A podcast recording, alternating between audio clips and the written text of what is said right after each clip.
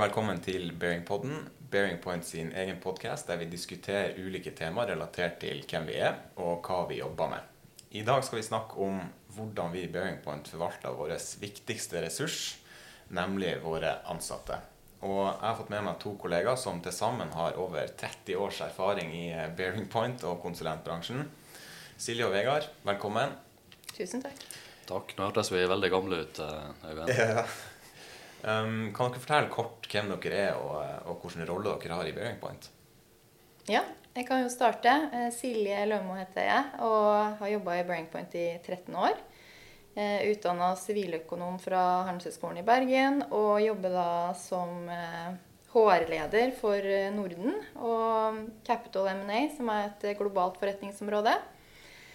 Ja, Det er vel egentlig veldig kort om meg og min bakgrunn. Bra. Vegard? Ja, jeg heter da Vegard Paulsen. Har vært der i eh, 20 år, så hyggelig å få sagt det. Eh, bakgrunnen fra Indøk. Eh, vært hele karrieren min i Bearing Point. har gjort litt forskjellig, men hovedsakelig så har jeg vært med og bygd opp vårt område for dataanalyse, både i Norge og Norden. Og ble for et par år siden sparka ut i Europa, så nå sitter jeg og leder det globalt. Men bruker fortsatt 50% av tiden min her eh, hjemme på å følge opp eh, kunder og folka våre her hjemme også. Bra. Um, vi har jo lagt bak oss et ganske annerledes år, hvor mesteparten av arbeidstida vår har blitt tilbrakt på hjemmekontoret. Vi gleder oss til at uh, jobbhverdagen skal bli litt mer som den var før mars 2020. Men samtidig så har vi også erfart at man får gjort mye fra hjemmekontoret. At det også er noen fordeler ved det. da. Silje, kanskje kan stille spørsmålet til deg først. da. Hvordan tenker du at den nye, såkalte normale eh, arbeidshverdagen vil se ut for oss i Bearing Point framover? Mm -hmm. Nei, Først og fremst må jeg jo si at vi gleder oss jo veldig til å være tilbake på kontoret nå til en mer normal situasjon over sommeren. Um, og det vi egentlig har gjort eh, som en forberedelse til den nye normalen, er at vi har satt ned et prosjekt som vi har kalt Fremtidens arbeidsplass, hvor vi egentlig har involvert eh, en bred gruppe eh, blant våre ansatte til å se litt på hvordan ser vi for oss at den nye eller fremtidens arbeidsplass vil se ut. Så da har vi både sett litt på ja, hvordan bør kontoret se ut, hvordan skal vi samarbeide, og det som på en måte er de grunnleggende prinsippene da for den eh, nye normalen, eh, er jo at vi kommer til å ha enda større grad av frihet og fleksibilitet. Vi har jo egentlig alltid hatt en kultur eh, hvor eh, mye er tufta på tillit, og at den ansatte i svært stor grad eh, styrer selv hvor, når og hvor mye man vil jobbe. Så har vi selvfølgelig noen kunder som har en del forventninger, og vi har en del forventninger fra våre kollegaer, så man må alltid hensynta det. Men det vi ser for oss, er jo at vi vil ha en mye mer hybrid hverdag. Så det har vi jo formalisert i større grad, sånn at man også skal få støtte til å kunne jobbe mer hjemmefra eller jobbe fra hytta. Eh, så vi vil jo egentlig bare videreføre det. Og det er jo akkurat sånn som du sa innledningsvis, at vi ser jo at det er også en del fordeler og positive læringer som vi har fått med oss eh, som et resultat av eh, pandemien. Så vi ønsker jo å fortsette å tilby den fleksibiliteten og kanskje formalisere det i enda større grad. Og også sørge for at vi støtter hver enkelt ansatt da, på, på, hjemmekontoret. Og så er det jo ikke til å eh, skyve under en stol skulle til å si, at det er ekstremt viktig for oss å bevare kulturen vår og ha en eh, sosial møteplass. Så vi vil jo fortsatt eh, ha masse fysiske treff, og også ha et kontor hvor man har mulighet til å ha sin plass og møte kollegaer og sånn. Så, så det er jo noe vi kommer til å fortsette å investere mye i framover. Bra. Hva har vært det beste med å sitte på hjemmekontor, da? Vegard? Ja, jeg syns jo egentlig i starten at det var um, veldig behagelig. Man, um, dagene ble mer effektive. Um, man slapp å bruke tid på å reise til og fra. Um, slapp å uh, stryke skjorte og dressbukse hver morgen. Men etter hvert så syns jeg at det begynte å bli litt sånn tungt. da. så jeg tror en balanse der er riktig. Altså Det var gøy til å begynne med, eh, og så ble det litt tungt. Og så tror jeg nå etter hvert hvor man kan eh, optimere litt mer selv. da, Hvor mye vil jeg sitte og jobbe alene, og hvor mye sosial vil jeg være. jo, det er jo forskjellige typer folk. da. Noen får jo energi av andre, og noen mister energi av andre. Og jeg har spesielt én her som, uh, som, jeg tenkte på som var veldig glad for det her. Men når jeg møtte han nå, så sa han sånn Nå trenger til og med jeg noe sosialt. da. Så det at han da kan balansere med ja, en dag i uka på kontoret, jobbe fire dager hjemme og være effektiv for kundene sine, jeg tror det der blir en mye bedre miks. Um, og jeg var egentlig overraska over hvor fort kundene våre switcher til å jobbe digitalt. Uh, ta møte på video, hvor alle nå har blitt vant med det. Uh, og mange nå egentlig foretrekker det framfor å fly rundt omkring og møte hverandre fysisk. Da. Så jeg tror fremtidens arbeidsplass blir bedre og mer individuelt tilpassa hver enkelt av oss. da. Mm. Hvis man ser tilbake på historien, så var jo kontor også noe som man tvinger folk inn i for å kontrollere folk. da. Og eh, og vi har jo en tillitsbasert eh, ledelse hos oss, så vi, så vi, trenger ikke å kontrollere våre ansatte på den måten. Da. Så da er det mye bedre at de jobber på den måten som de finner mest effektivt. Ikke sant. Bra. Når vi er inne på det med våre ansatte, altså, det er jo utvilsomt vår viktigste ressurs. Det høres jo kanskje ut som en klisjé og noe alle sier, da, men i bunn og grunn så er det jo kompetansen og erfaringa Bearing Point våre ansatte besitter, som er grunnlaget for hele vår virksomhet. Um, vi ansetter jo høyt utdanna folk som kan mye. Men som konsulent så tar jo læringa aldri slutt. Um, på hvilken måte legger vi til rette for våre ansattes læring og kompetanseutvikling? Mm -hmm. Jeg tenker kanskje at det er tre hovedområder eller mekanismer her. Da. Og for en konsulent så skjer jo største læringa på prosjekt. Og Derfor er det veldig viktig hvordan vi stafer og rigger og driver prosjektene våre, sånn at vi har en veldig god metodikk og tilnærming til hvordan vi ivaretar hver enkelt sin utvikling i, på prosjektarenaen. Så det handler jo både om at prosjektleder setter seg ned med hver enkelt og teamet og ser på hva er de individuelle utviklingsbehovene i det prosjektet her. Eh, hvordan fungerer du best i team? Eh, hvordan skal vi sørge for at vi har en god feedback-kultur? Og så setter man jo en del mål, da. Eh, både hvordan man skal utvikle kompetanse, og også hvordan man skal på en måte levere det vi skal til kunden. Og så følges det her opp regelmessig. Så det er jo veldig viktig hvilke, hvilke, rutiner og prosesser vi har for å drive utvikling på prosjektarenaen. Så det, den biten er veldig viktig. Og så er det jo også sånn at eh, som nyansatt, med en gang man kommer inn døra her, så blir man teama opp med en mer erfaren mentor og coach, eller det vi kaller development manager. Eh, for noen år tilbake så hadde den eh, rollen, eller var den rollen titulert performance manager. Og det skiftet der er egentlig litt viktig å få fram. fordi det vi fokuserer mye på i kraft av den rollen, er å støtte hver enkelt sin utvikling. Så en DM er jo gjerne da en person eh, som følger det gjennom et litt lengre karriereløp. Eh, som da er en mentor og coach og hjelper det på en måte å sette mål. Eh, gir selvfølgelig feedback underveis og er også en som kan veilede det i, for, i forhold til hvordan du kan utvikle det på en best mulig måte. da. Så det er selvfølgelig en viktig eh, rolle og et viktig rammeverk som vi har. Og så har vi jo selvfølgelig Eh, en veldig bred portefølje av forskjellige eh, kurs og samarbeidspartnere. Nå ser vi jo det at eh, vi har jo gjort en god del investeringer med tanke på digital læring. Så der har vi jo en egen portal som tilbyr masse kurs. Og så har vi jo selvfølgelig også en del samarbeidspartnere som tilbyr mer fysiske kurs. Da. Og det som jeg tenker kan være Eh, relevant å trekke fram her, er jo bl.a. at vi samarbeider med noen av de mest verdensledende universitetene i, i verden, skulle jeg si. Og da, da har vi jo bl.a. et samarbeid med, med, Yale, som har ja, det er vel en 15-16 år, Vegard. Vi har samarbeida med de, eh, så de kjenner oss veldig godt. Og de tilbyr da eh, skreddersydd lederutviklingsprogram for våre ledere. Da reiser man rett og slett ned på campus og bor da på Yale University og får da, eh, får da kursing fra ja, verdensledende professorer og folk fra næringslivet. Og så har vi også for noen år tilbake et litt, en litt nyere samarbeid med Oxford University, som også eh, tilbyr skreddersydde lederutviklingsprogram. Så det er bare for å nevne, nevne noen, da. Eh, Så vi har eh, veldig fokus på det her med utvikling. Eh, for som du sa, Iven, så er jo det ekstremt viktig. Både for at vi skal kunne levere det vi skal til kunder, og selvfølgelig også for at vi har ansatte som er veldig opptatt av egen utvikling. Mm.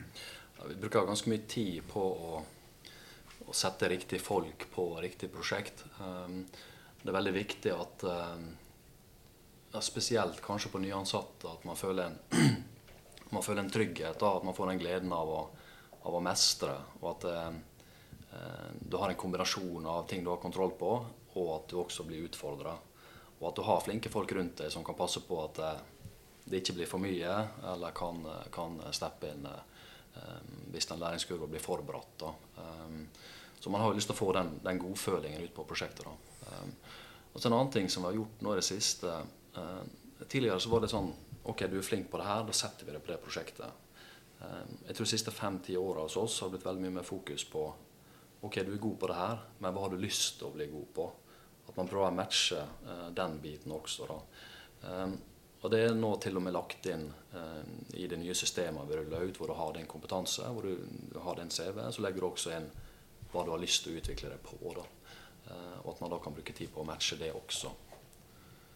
Bra. Når vi, når vi først er inne på det med prosjekter og, og, hvilke prosjekter våre konsulenter jobber med, da, så, um, så det er ofte sånn jeg snakker med studenter, men for så vidt også erfarne folk, at det kan være litt vanskelig å forstå eh, hva det vil si å være konsulent, og også hva som skiller ulike konsulentselskaper fra hverandre. Da. Og En av grunnene til det, det er jo at man jobber prosjektbasert.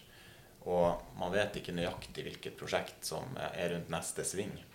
Um, samtidig så er det jo ikke helt tilfeldig hvilke prosjekter vi jobber med i Bearing Point. Uh, Vegard, kan ikke du si litt om hva som kjennetegner prosjekter vi i Bearing Point har lyst til å ta, og også hvordan vi finner ut hvilke konsulenter som skal på hvilke prosjekter? Um, jo, um, typisk så Vi hjelper jo våre kunder med å, å løse problem eller å skape verdi de har ofte en utfordring eller en, en idé som de ønsker å realisere. Eh, og så mangler de kapasitet eller kompetanse eh, til å gjøre den jobben. Og da leier de oss inn som konsulenter.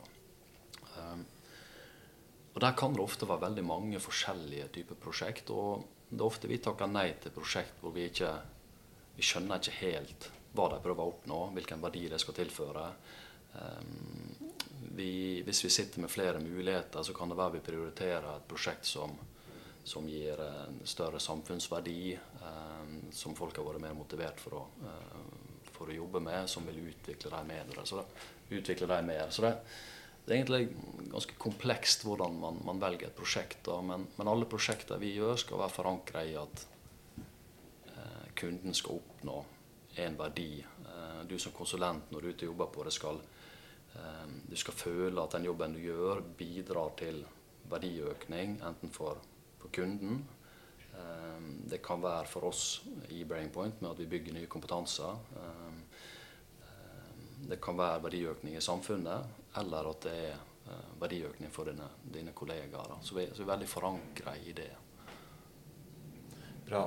Litt rundt det da med, med hvilke konsulenter som havner på hvilke prosjekter. da. Du var inne på det med at vi har et eh, kompetansesystem hvor våre konsulenter har lagt inn hva de kan, men også hva de har lyst til å lære seg. Hvordan, eh, hvordan vurderer vi hvilke av våre ansatte som kan være aktuelle for en gitt prosjektmulighet? Ja, vi har jo, vi en, ansatt som, som jobber tilnærmet fulltid med å følge opp alle ansatte ved å følge opp alle våre muligheter, ved å følge opp alle de behovene. Så, som har løpende kontakt um, med alle våre Vi kaller den staffing-ansvarlig. Og så har vi et møte hver mandag hvor vi går gjennom eh, alle muligheter, alle ressurser. Der sitter alle de som leder de ulike teamene våre. Hvor vi da prøver å finne beste match mellom prosjekt og ressurs. Eh, basert på all den inputen vi har om hva prosjektet går ut på, eh, hva ønsket til den ansatte er. Og så går vi også en runde på alle de som eh, allerede er på et prosjekt i dag. Da, om det er noen som ja, føler at de er utlært på det prosjektet, har lyst til å bytte. Så man gjør den øvelsen der, bruker en og en halv time på det hver uke, et formelt møte, pluss at det blir kontinuerlig oppfølgt gjennom hele uka. Eh, så beslutter vi veldig sjelden i det møtet hvem som skal hvor. Men man beslutter at eh, den utviklingslederen som da Silje nevnte tidligere, skal ta en prat med sin såkalte menti, da, eh, den ansatte, på ja, bare høre om er det her riktig prosjekt for deg. da. Nå er vi heldigvis i en situasjon der vi ofte har mer, mer prosjekt eh, enn vi klarer å løse. Så da har vi også litt valgfrihet til å velge bort eh, det som ikke føles riktig for oss. da. Bra.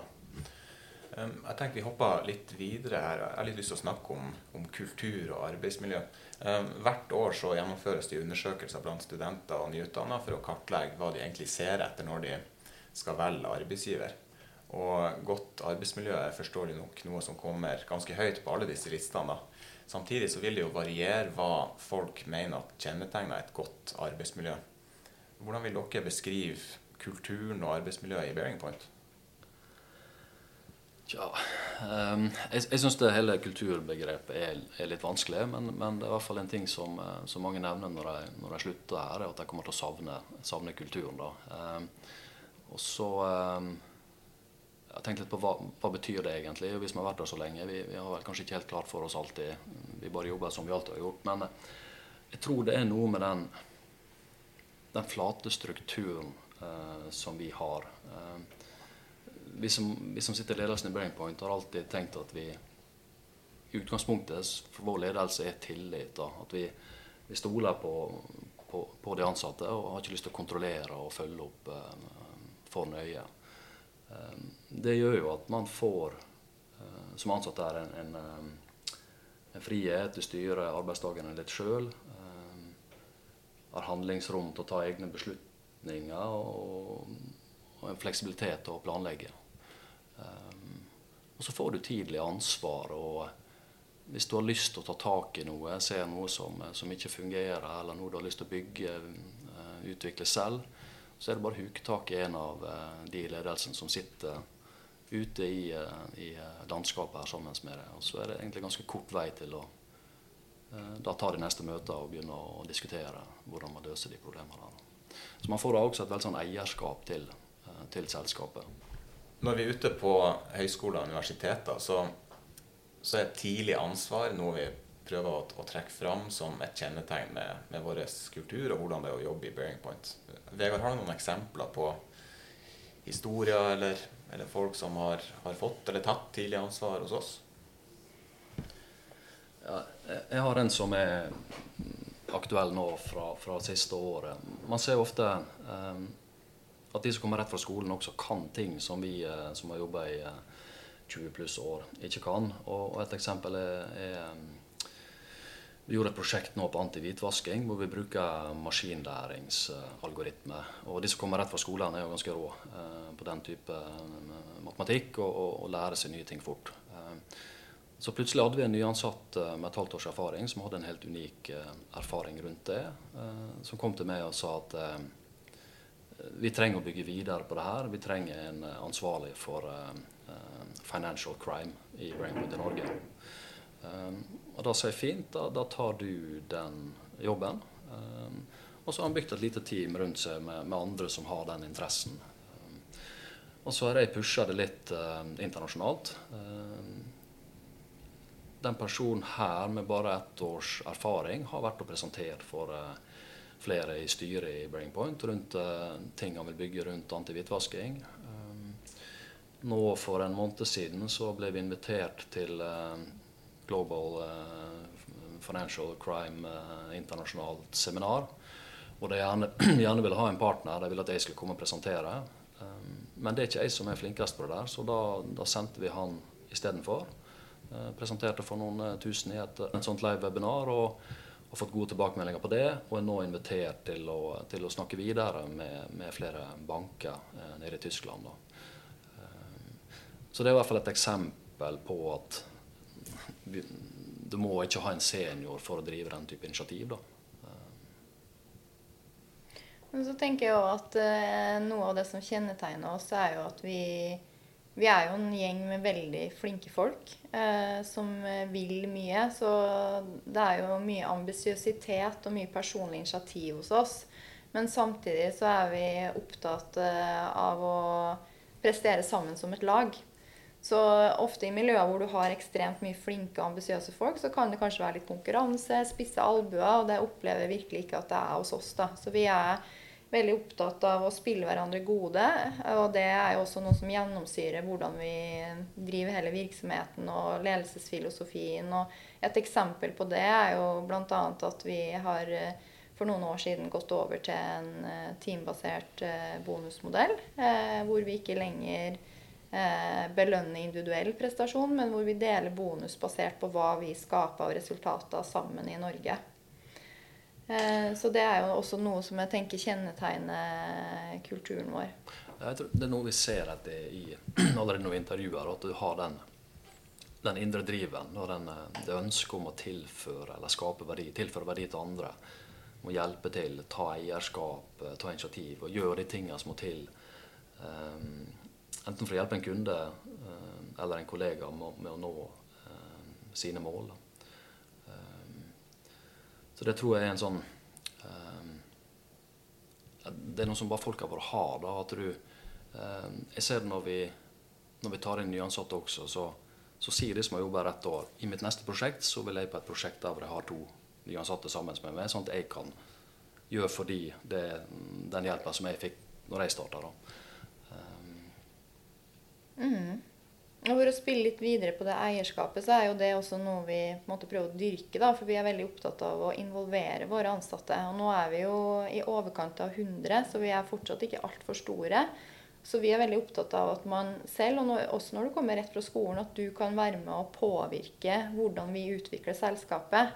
Så vi har jo veldig mange eksempler på hvordan vi involverer. Men f.eks. nå så sitter vi og jobber med et prosjekt hvor vi ser på hvordan vi bedre kan tilrettelegge for eh, kompetanseutvikling i Bearing Point. Og da har vi egentlig gått bredt ut og spurt er det noen som er interessert i, i den problemstillinga her. Og så har vi da et prosjektteam på en vi er vel en sju til åtte ressurser eh, med folk som både er junior og senior, som sitter og jobber da med, med, å se på hvordan vi kan bli enda bedre til å tilrettelegge for kompetanseutvikling utenfor prosjekter. Så det er jo ett eksempel.